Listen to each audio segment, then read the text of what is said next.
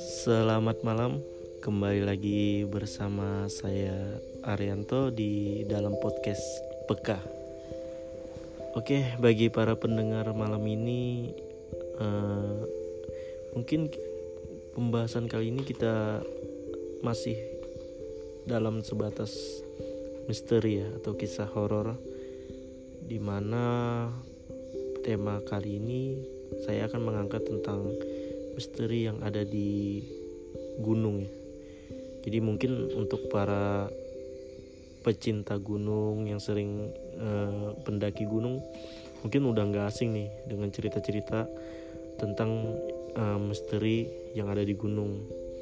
Nah uh, mungkin malam ini saya tentunya nggak sendiri nih.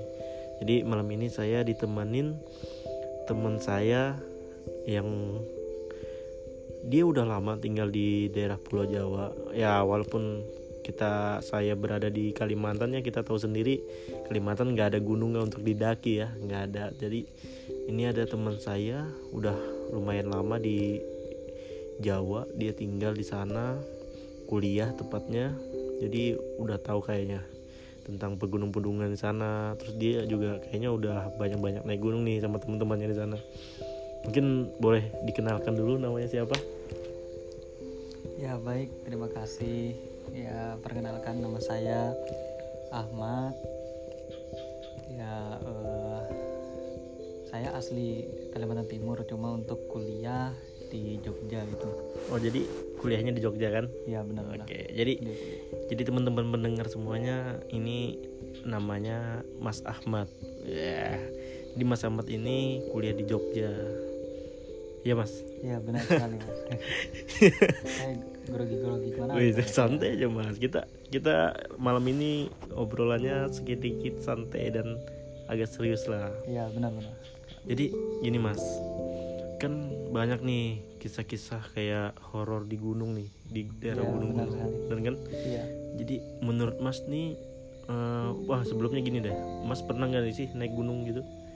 Iya, uh, sebelum kita bahas tentang pegunungan, kita tahu sendiri kan Mas ya, kalau di bumi kita ini kan memang kita diciptakan ini untuk adanya makhluk berupa manusia, uh. kemudian juga adanya jin juga. Iya benar-benar benar. Nah, yang di mana kalau seandainya jin itu berdasarkan yang apa yang saya tahu, itu mereka tempat tinggalnya ada di lautan kemudian ada di pegunungan. Kemudian juga ada di kayak di tempat-tempat uh, kosong gitu seperti rumah kosong atau gimana. Makanya disebut ada rumah angker gitu. Iya benar sih. nah sekarang kan kita bahasnya tentang di pegunungan ya. Ah. kita tahu sendiri kan di sana itu adalah uh, berdasarkan yang saya tahu juga itu uh, secara mistis yang paling kuat jinnya itu ada di daerah pegunungan jadi uh, jadi gunung-gunung itu kayak jin-jinnya itu jin-jin yang kuat-kuat gitu ya? iya benar sekali mas. Oh oke okay, oke. Okay. ya apalagi kan kita tahu nih yang paling banyak gunung berapinya itu kan adanya di daerah Jawa itu. Iya benar. Jadi uh, mungkin yang kita tahu ya mungkin dari teman-teman saya juga termasuk orang Kalimantan ya mungkin taunya daerah-daerah gunung itu daerah-daerah Pulau Jawa gitu kan banyak gunung-gunung. iya benar sekali mas. Di daerah Jawa itu. Jadi kalau misalkan kayak uh, gunung-gunung di Jawa itu banyak gak sih menyimpan cerita-cerita mistis atau angker gitu? Nah tadi kan sudah saya jelaskan juga di awal itu mengenai pegunungan itu kan paling besar energi mistisnya di sana. Uh. nah kalau berbicara tentang besar energi mistisnya walaupun di sana kita kan di sini diibaratkan kalau gunung itu dia berapa sih? Ketinggiannya pasti sekitar 1000 mdpl gitu ya minimal. Itu dari permukaan dar laut ya? Ya permukaan laut mas. Oke terus? Jadi berdasarkan dari seberapa kecil dan besarnya gunung di sana itu pasti ada penunggunya mas. Pasti ada jin-jinnya. Nah gunung yang paling kecil itu yang saya daki itu ada namanya gunung uh, Gunung Sumbing. Gunung Sumbing. Ya. Itu terletak di Jawa apa nih? Ini daerah Jawa Tengah. Mungkin oh, teman-teman yang pecinta alam alam atau pencinta hmm. gunung itu ya pendaki gunung tahu pasti ya? tahu lah ya, karena okay. sangat populer sekali ini Gunung Sumbing oh gitu ya terus nah di sana itu Gunung Sumbing ini kalau berdasarkan dari kita sendiri ya yang awam terhadap mistis itu memang dia sebenarnya untuk jalurnya tidak terlalu curam sekali tetapi memang di mana di daerah ada pos-posnya begitu mas ya? Oh, ada po oh ya, kayak tempat persinggahannya ya, gitu ya? tempat persinggahannya itu. Uh -huh. nah di mana ada salah satu di pos mana gitu saya lupa. Nah tapi saya dengar-dengar cerita juga di daerah situ katanya di posnya itu ada sebuah persinggahan. Memang dari kita persinggahan pos-pos biasa. Cuman kalau dari mistisnya memang ada suatu koloni atau koloni. Ya. Itu kayak perkampungan. Ya seperti perkampungan oh, gitu mas. Gitu. Ya perkampungan. Ah terus? Nah yang di mana di Sumbing ini memang terdengarnya sih. Memang ada mistisnya. Oh, memang gitu. setiap gunung ada mistisnya iya cuman, sih betul betul karena yang lebih ini lebih mencolok itu ada juga di daerah Sumbing. Itu pun yang baru kecil loh mas. Belum lagi kita berbicara tentang yang gunung-gunung tinggi. Seperti contohnya uh, Gunung Selamat. Hmm. itu adanya di Jawa Tengah di uh, daerah Purwokerto. Gunung Salak ya? Gunung ya Salak. Gunung Salak. Ada juga. Gunung Salak kan yang ada hmm.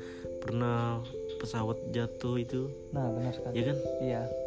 Tapi kita tahu sendiri kalau Gunung Salak itu bukan gunung berapi hmm. tapi dia berupa gunung gunung biasa, biasa ya? gunung gitu. biasa ya? Cuman dia tinggi. Oh, gitu. memang di daerah Jawa itu banyak gunung. Tapi ada juga gunung berapi ada juga gunung hmm, biasa ya, biasa aja. ya enggak ada. Oke uh, kita kembali lagi ke gunung Sumbing nih. Kalau menurut Mas nih yang pernah ke sana ada hal mistis apa yang pernah dirasain sih di sana? Atau uh, ada cerita dari teman-teman yang pernah naik di sana? Gimana sih Ya, uh, ini sebenarnya berupa cerita sekaligus juga masukan kepada teman-teman yang pecinta gunung. Jadi ceritanya ini kan uh, ini cerita dari teman saya juga sih uh. yang naik gunung sana. Kalau saya yang selama saya naik gunung di sana itu memang karena kita dari awalnya niatnya baik. Iya sih, benar. Nah, itu alhamdulillah saya bisa selamat gitu ya nggak ada ya, halangan ada, rintangan ya, ya? ada halangan cobaan rintangan. Nah itu. Ataupun gangguan gitu kepada kita. Kalau memang kita niatnya oh baik ya. kita baik terus mau lihat alam nih. Benar-benar mau, mau lihat alamnya hmm, gitu mas. Benar sekali. Nah ada salah satu cerita nih di mana uh, dia ini memang rencananya mau naik bersama teman-temannya. Cuman karena dia niatnya ada buruk. Misal contohnya nih apa sih? kayak kencing sembarangan oh. atau istilahnya nggak permisi ya? nggak permisi iya, gitu. bener-bener. ya atau misalnya dia ngambil barang yang memang bukan miliknya di atas sana. Contohnya nih misal uh, kayak di ini ya. Apa, apa ada tanaman atau gimana gitu oh, di atas sana. Yang oh, tanaman itu memang iya, iya, iya, secara hukum hukum nggak boleh iya, dicabut ya, gitu boleh ya dicabut kalau hukum hmm. dari kita hmm. nah itu kata orang yang penunggu ininya kan ada base campnya gitu mas ya uh, setiap gunung itu pasti ada base camp posko kayak posko gitu ya base camp ini yang paling bawah oh yang base yang ya, paling bawah ya yang paling bawah yang dari awal kita sebelum naik kita uh. harus laporan dulu di base camp. Nah di situ kita harus memang ada tata tertibnya nih disampaikan kepada hmm. kita semua. Ini mungkin orang-orang Kalimantan tidak tahu ya. ya kalau seandainya sih. Kita naik gunung nih harus ke base camp. Ya. Ini apa sih peraturannya kita naik terus di pos-posnya ini ada apa aja sih? Ya. Nah biasanya tuh di base camp itulah dikasih informasinya begitu mas kalau kita sih Kalimantan kayaknya ke pantai aja sih iya jadi jadi kayaknya lebih ke pantai sih ya kan iya benar-benar tapi kalau di Jawa sih memang benar sih kayak di gunung-gunung itu banyak jadi uh, aku dengar sih banyak sih kayak cerita-cerita ya atau aku dengar kisah-kisah kalau di gunung itu kayak ada kayak pasar itu benar nggak sih? Kayak kayak kayak orang pasar gaib gitu. Iya berbicara tentang pasar gaib memang e, secara garis besar juga di gunungan itu ya kayak kita gini mas. E, kediaman kita di dunia ini dunia, alam dunia ini uh, seperti yang apa kayak kita gitu biasa ya. ya. Iya. Kita adanya apa namanya ya? Uh, saling silaturahmi. Ah, Mereka juga ada juga di ada sana. Juga ya? Nah, kita juga kayak kembali lagi yang tadi pertanyaannya tentang pasar. Kita juga ada juga pasar di ada, sini. Ada, nah, ada. mereka juga ada di sana. Cuma kita berbedanya apa yang dijual nah, belikan itu. Jadi kayak kita penasaran aja nih. Ke sebelumnya uh, saya jelasin mas ya saya pernah uh, episode sebelumnya kita menjelaskan tentang kota gaib gitu mas. Jadi kayak ada kota ya penduduknya kayak kota gitu mas. Namanya kota gaib Saranjana. Nah jadi kayak ada peradaban orang juga ada gedung-gedung penyangga langit. Nah dari situ mungkin uh, saya menar uh, menarik nih untuk membahas kayak pasar gaib ini sendiri. Apakah juga sama nih sama kota gaib yaitu uh, misalkan contohnya yang dijual di sana berbeda. Soalnya uh, dari kota gaib Saranjana itu yang pernah saya baca uh, episode yang kemarin buah di sana itu lebih besar mas daripada buah yang ada di dunia kita. Jadi ibaratnya kalau misalkan kita ada jambu nih di dunia misalkan jambunya setangan kita dibawa ke sana malah besar jadi bisa dua kepal tangan tiga kepal tangan gitu. Nah jadi saya penasaran nih mas untuk di pasar gaib kayak di gunung-gunung itu apakah benar nih? Ada terus itu apa sih yang dijual di sana? Iya. Uh, kalau untuk kota apa tadi? Kota gaib yang ya, ada. kota gaib Saranjana itu Saranjana. di Banjarmasin Kalimantan oh, Selatan. Di Banjarmasin.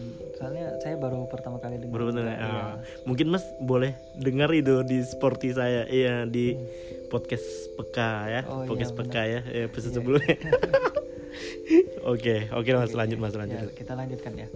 Uh, jadi kita fokuskan aja. Jadi begini untuk tadi saya jelaskan di awal juga mengenai tentang uh, silaturahmi kalau di ini juga ya. Sama mungkin ya seperti yang ada di kota apa tadi kota gaib? Hmm, kota Saran, gaib Saranjana. Saranjana. Nah itu sama seperti di situ juga oh, tapi gitu. kan ini berbedanya ini pegunungan hmm. pegunungan ini kan tadi kita dijelas di awal juga tadi adalah tempat jin yang paling kuat tempat jin mistis yang paling ya kayaknya lebih kuat lebih, daripada ini. kayak di gunung itu kayak gimana ya? Kayak ya. mungkin orang kuat kuat ya? Iya kuat kuat semua di sana. Makanya kata orang dulu kita kalau mau apa cari ilmu pasti ke gunung. Ke gunung ya? Benar benar benar. betapa berapa hari iya. atau gimana. Betapa hmm, biar dapat ilmunya banyak iya iya iya. benar benar benar. Nah karena mereka maunya cari ilmu yang kuat makanya mereka ke gunung-gunung gitu kan. Oke, nah, jadi kembali, ya. nah, jadi balik ke pasar tadi mas. Iya, kalau ke pasar tadi untuk ini beberapa beberapa gunung memang memiliki pasar gitu. Yang saya tahu ya, yang saya tahu beberapa pasar itu kayak di Gunung Selamat, kemudian Gunung, Selamat. Gunung Semeru. Sum oh Semeru itu kayak Semeru di uh, Malang mas. Semeru ya ya, ya, ya. Gunung Semeru, kemudian ada di Gunung Merapi lebih ininya lebih seramnya lebih mistisnya lebih tinggi di sana. Oh jadi Gunung Merapi itu kayak lebih lebih menampakkan ya di sini. Iya benar mas. Lebih menampakkan ya. Mungkin teman-teman juga tahu ya kalau Gunung Merapi itu mungkin yang terkenalnya itu Pasar Bubrah namanya. Oh jadi ada nama-namanya? Iya. Jadi setiap pasarnya itu ada nama-nama ya? Ada namanya mas. Oh ya. oke. Okay setiap gunung itu memiliki kalau ada pasar setan namanya pasar setan ya tadi bilangnya nah setiap pasar setan itu ada namanya lagi nih oh, gitu. sama seperti kita di sini juga kalau kita di sini kan misal pasar di Kalimantan Timur ini ada kayak pasar, Ke pasar Segiri, Jumat, pasar Segiri, pasar, pasar Jumat, ya. pagi, ya, pasar pagi, pasar Jumat gitu ya, pasar malam. Nah di iya sana kan? juga ada juga. Di sana ada juga ya. Tapi kegiatannya ya setiap malam aja berbeda kita di sini kan ada yang oh, iya. mau malam mau siang mau subuh yeah, yeah, mau iya. sore yeah. kan ada aja itu pasar di sini kalau di sana itu kegiatannya malam semua oh jadi ke kayak pasar merapi tadi apa namanya mas pasar merapi itu namanya pasar bubra oh jadi pasar bubra ya? Kalau yang di tempat lain tau nggak? Kayak gunung-gunung yang kayak selama tadi ya? Kalau untuk yang di tempat lain itu saya kurang tahu ya namanya okay, apa okay. cuman tahunya yaitu ada pasar ada pasar ya iya. okay. jadi mungkin yang lebih terkenalnya di Gunung Merapi ya? Iya. Jadi mungkin ada kisah gak sih di Gunung Merapi itu pasarnya gimana? Pasar Bubra ya? Iya pasar Bubra. Nah e, berbedanya dengan kita di sini. Mungkin tadi ya di kota Gaib Saranjana itu dia jualnya kayak buah-buahan. Mungkin ada sayuran juga mas? Nah, dia sih kemarin tuh kita baca artikelnya dia kebanyakan warganya bertani gitu sih oh. Iya. Jadi kayak kayak kita juga sih ya kan? Iya benar-benar. Nah berbeda berarti ya sama yang ada di gunung. Pasar kalau di pasar gunung itu kita tahu sendiri gunung yang di mana biasanya para pendaki ada yang hilang. Oh iya sih. Ada yang benar, tidak ditemukan. Banyak sih ya kasusnya ya. nah itu mereka dimasukkan ke alam mereka. Hmm. setelah dimasukkan ke alam mereka kan ada yang hilang nih. Kalau seandainya hilang itu raganya sama jiwanya diambil di sana. Jiwanya oh gitu? Dia jiwanya ditanam di sana raganya kembali gitu dipisahkan sama mereka. Maksudnya dipisahkan ini dijual belikan sama mereka. Oh, jadi yang hilang itu nggak kembali gitu ya? Iya kalau yang hilang itu oh iya benar kembalinya. Nah ya banyak sih. ya. sama yang ditemukan. Kalau yang ditemukan itu alhamdulillah. Ah yang ketemukan. Ya alhamdulillah. Walaupun sudah meninggal. Ya, ya walaupun sudah meninggal tetapi dia ada dikembalikan gitu ya gitu. Masih ada di dunia. Oh. jadi kita bisa mengumpulkannya secara yang ini. Aduh. berbeda nih sama yang di bisa disimpannya gitu ya, disimpan ya, gitu ya kayak ya, diambil gitu ya? Diambil raga dan jiwa Wih, serem banget ya. Iya makanya kita tetap hati-hati. Oh iya sih. Tadi saya bilang kalau memang kita mau naik gunung niatnya mau lihat sunset sunrise ah. atau keindahan alamnya ya apa bebas-bebas saja. Asalkan kita permisi sama iya sih izin ya intinya ya. iya berdasarkan dari base camp base camp yang gitu peraturan-peraturan yang ada tata tertibnya kita harus ikutin tuh kata mereka apa yang tidak boleh apa yang dibolehkan. Jadi kayak uh, balik lagi deh kayak tadi kayak apa yang hilang terus itu raganya jiwanya itu diperjualbelikan maksudnya gimana itu mas? Ya benar sekali. Nah untuk yang diperjualbelikan itu sama seperti kita kita kan kalau mau beli sesuatu harus pakai uang. Iya benar. Nah mereka di sana ada yang pakai uang, tapi uangnya ini bukan kayak kita kan di sini kertas. Kertas ya rupiah lah gitu. ya. Nah, kalau mereka di sana itu pakai batu. Batu. Ya. Jadi maksudnya batu itu kayak batu permata kah, emas kah atau gimana? Nah kalau berdasarkan yang saya tahu itu batu-batu biasa. Oh gitu. Cuman mungkin yang bedanya itu dari penilaian mereka ya sama kayak kita kan mereka nggak tahu nih uh, kalau saya tahu ya mereka nggak tahu juga kalau saya itu uangnya berapa sih ah. kecuali kayak kita tahunya kan kayak setan-setan gitu kayak tuyul gitu kan tahu misalnya itu seratus ribu ah, ada niat nominal memang, ya nominal iya karena mereka memang diciptakan untuk uh, apa kegiatannya mereka tuh ya, ya seperti itu iya, iya. mengetahui uang kita seperti apa Nah berbeda dengan mereka yang di sana kalau para jin-jin oh. kita tahu sendiri kalau di atas gunung itu yang pemiliknya itu adalah jin kan kita ada dibedakan yang ada setan oh, jin bener sih. sama ada iblis. iblis ya nah kalau jin ini kan dia kalau dia baik berarti dia jin baik gitu nah juga. kalau sana dia jinnya buruk itu bisa dibilang setan oh kan kita juga pernah dengar nih mas kayak jin muslim dan jin kafir itu hmm itu gimana tuh? Berarti kalau jin kafir berarti termasuk golongan setan? Ya? iya golongan setan oh, setan dan iblis tapi kalau di gunung kayak gitu banyak kan gimana sih jin ya, kafir atau jin, jin muslim? jin jin kafir di sana. Oh gitu. Berupa jin sudah. Oh berarti yang bisa masuk tergolong setan ya? Hmm, itu berarti yang mengganggu manusia ya? Iya mengganggu. Oke okay, nah, makanya okay, kalau okay. kita niatnya jelek kita itu dibuyarkan di atas gunung oh oke. Okay. berarti yang di apa penglihatan kita dihilangkan bisa jadi? Iya bisa jadi. Hmm. bisa juga kita misal uh, kita maunya naik ke atas tapi kita belum sampai di atas tapi sudah kita merasa oh kita ini sudah di atas nih melihatnya. Hmm, padahal itu kita dibuyarkan itu. Oh, padahal belum di atas ya? Ya padahal belum di atas. Atau enggak kita uh, niatnya kan buruk nih. Kita maunya sampai aja terus ke atas kan eh ternyata kita tidak tahu jalan. Tiba-tiba ada teman kita nih. Teman hmm. kita satu ini satu rombongan. Ya sudah kita sama-sama teman kita. Eh ternyata teman kita ini oh, bu bukan? yang bukan dari teman kita asli oh. dari rombongan tapi mereka yang perwujudannya ya, kayak kayak dia menyesatkan gitu hmm, iya kan? gitu. Nah gitu. Makanya kita memang harus diwajibkan baik-baik di sana. Nah kembali ke pasar tadi. Oh iya sih soalnya kayak di gunung ini banyak banget ceritanya ya iya. jadi jadi kita ini kayak ke mana-mana ya tapi ya ibaratnya ya memang itu ya terjadi di gunung ya iya. oke oke ya tadi kita ini memang kita saya ngasih tahu info begini biar kita dapat iya sih benar benar masukan benar, saran lebih baik lagi jadi bagi teman-teman yang mendengarkan ini ya jadi tahu kan iya. jadi apa sih yang harus dilakukan di gunung apa sih yang nggak boleh dilakukan di gunung iya, benar. gitu ya walaupun mungkin dari uh, podcast kita ini secara uh, mungkin dilihat dari mistis ya iya. ya kan kalau secara yang gak mistisnya mungkin ada peraturan-peraturan harus ditaati iya. kan kalau secara mistisnya mungkin ya di mana pun gunungnya berada pasti ada jin-jin atau penunggu-penunggunya iya, di situ benar, ya benar-benar oke okay. iya.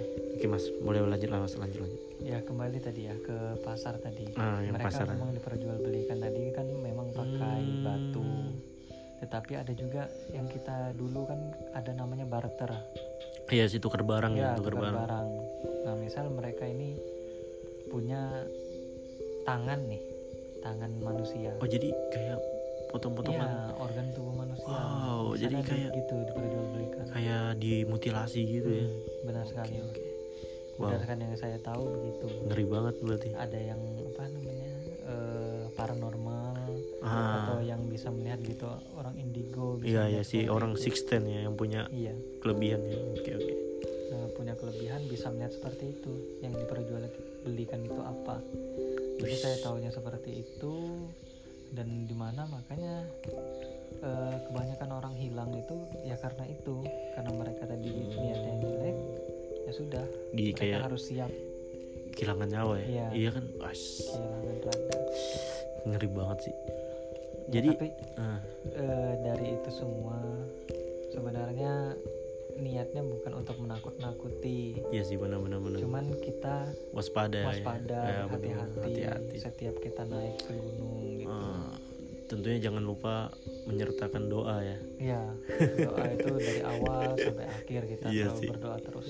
Ibaratnya ya jaga sikap dan kelakuan sih ya. Hmm. Banyak sih orang-orang yang katanya sih ya yang sikapnya jelek kayak suka ribut atau teriak-teriak ya itu kan orang-orang yang nggak punya etika lah ya. Ibaratnya kalau kita masuk ke rumah orang ya kita teriak-teriak berarti orang kita juga merasa terganggu ya. Iya benar. Ya kan? Jadi ibaratnya ya kita kesal juga pasti sama. Nah mungkin seperti itu sih gambaran orang sana kenapa bisa ada yang hilang atau tapi balik lagi dari kejadian kayak gitu sih memang harus waspada sih ya.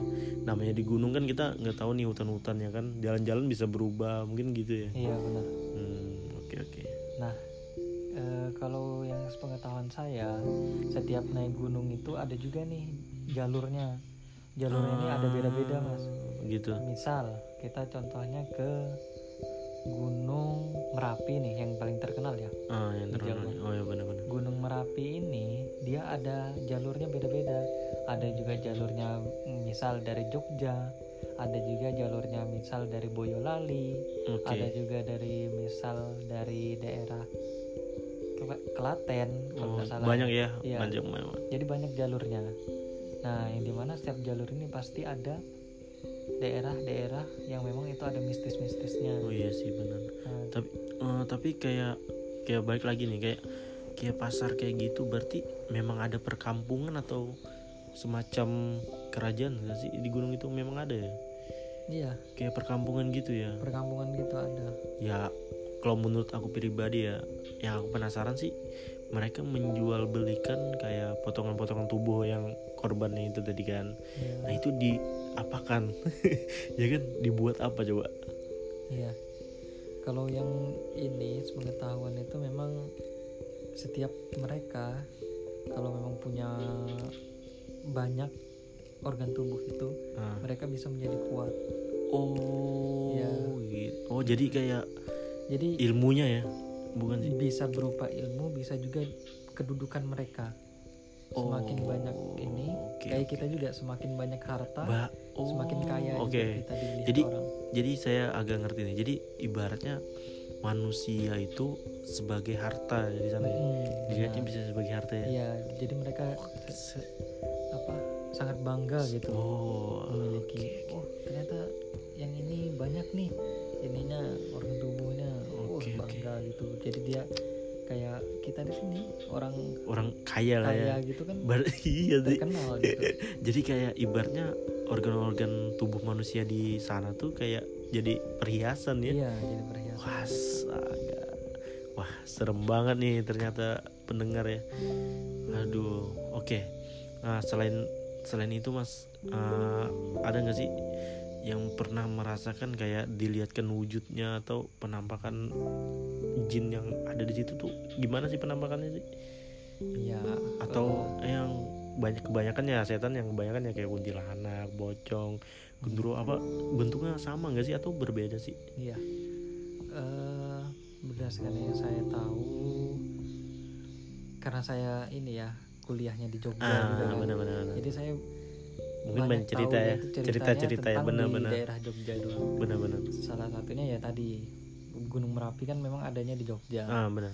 Nah jadi tahunya saya di Merapi Gunung Merapi itu ah. yang paling atas kan ada ini nih laharnya itu nadi oh. laharnya itu. Ah. ada semacam jin. Ah. bisa dibilang jin bisa juga dibilang iblis.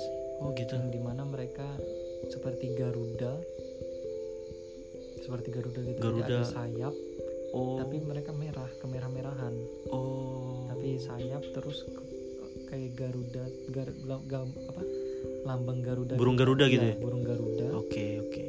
cuman dia uh, untuk ininya perwujudannya itu ya seperti manusia perwujudan atasnya oh. kepalanya gitu oh jadi ibaratnya ya beda ya ya beda ya sama kayak hantu-hantu yang hmm, beda pada umumnya yang kita tahu ya tahu jadi ya mungkin itulah sebabnya kenapa bisa dikatakan kayak jin-jin di pegunungan itu kayak lebih kuat atau tingkatannya ya, lebih tinggi ya. mungkin karena apa karena dia gabungan dari iblis sama setan kan itu lebih kuat lah ya daripada hantu-hantu kerece hmm, iya, ya kan wih ngeri ngeri banget ya berarti ya iya. aduh oke okay. waduh udah hampir setengah jam nih mas kita cerita-cerita kayaknya kayaknya kurang panjang ya. Iya. tapi waktunya udah menunjukin hampir setengah jam nih. Ya mungkin kita nanti next time ada episode kedua boleh? Boleh. Boleh. Boleh boleh, boleh. oke. Okay. cari waktu lagi cari waktu lagi ya. Tapi mungkin untuk uh, malam ini menurut saya sih pendapat saya ya banyak sih pengalaman yang atau cerita yang uh, mistis yang ya pastinya horor sekali ya yang bikin merinding nih. Iya. Tapi ada juga sih pengalaman yang memang harus di mana kalau kita mau naik gunung ya harus hati-hati, harus waspada. Ya banyak deh malam ini pengalaman. Uh, mungkin ada lagi mas yang mau disampaikan mas? Ya kalau untuk ya, sesi ini mungkin kita cukup. Uh, cukup dulu ya, benar-benar benar. Ya tadi mungkin masukannya setiap pendaki boleh-boleh aja mendaki. Tetapi tetap uh, berbuat baiklah terus teruslah berdoa selama mendaki. Ah. selama saya mendaki juga aman-aman aja aman-aman aja ya? memang kita niatnya baik. Iya sih benar. niatnya itu diluruskan juga kalau memang mau mendaki. Ah benar. Jadi ya, di mana pun kamu berada ya kalau kamu sopan kalau kamu baik ya iya. you're welcome ya. Orang iya, juga berarti menerima gitu. Hmm ya oke okay. jadi mungkin uh, cukup dulu mas ya sampai di sini ya. cerita kita tentang mistis yang ada di gunung nih khususnya ya pasar tadi ya ya. jadi ada memang sih memang pasar memang ada berarti pasar gaib memang ada dan terus yang dijual juga ya seperti organ-organ tubuh manusia ya wow jadi gimana ya uh, saya sih sebagai mm, mayoritas uh, orang yang tinggal di Kalimantan sih baru denger nih cerita yang kayak gitu kan. Soalnya kita di Kalimantan juga untuk pegunungan sih nggak ada ya. Nggak ada pegunungan terus naik naik gunung juga nggak ada. Oke. Ya nggak terasa nih para pendengar udah menunjukkan waktu 29 menit aja nih. Oke sebelumnya saya ucapkan terima kasih nih untuk Mas Ahmad. Ya, Ahmad ya. Oke, ya, makasih atas bisa. ceritanya. bareng iya gitu bisa tapi nanti ada lagi ya kita ya, ya ada bisa, lagi bisa. tinggal oke lah. Oke bagi para pendengar nih terima kasih udah dengerin podcast peka malam ini. Uh, jangan bosan dengerin kita dan selalu tunggu next episode berikutnya. Selamat malam dan sampai jumpa. Thank you.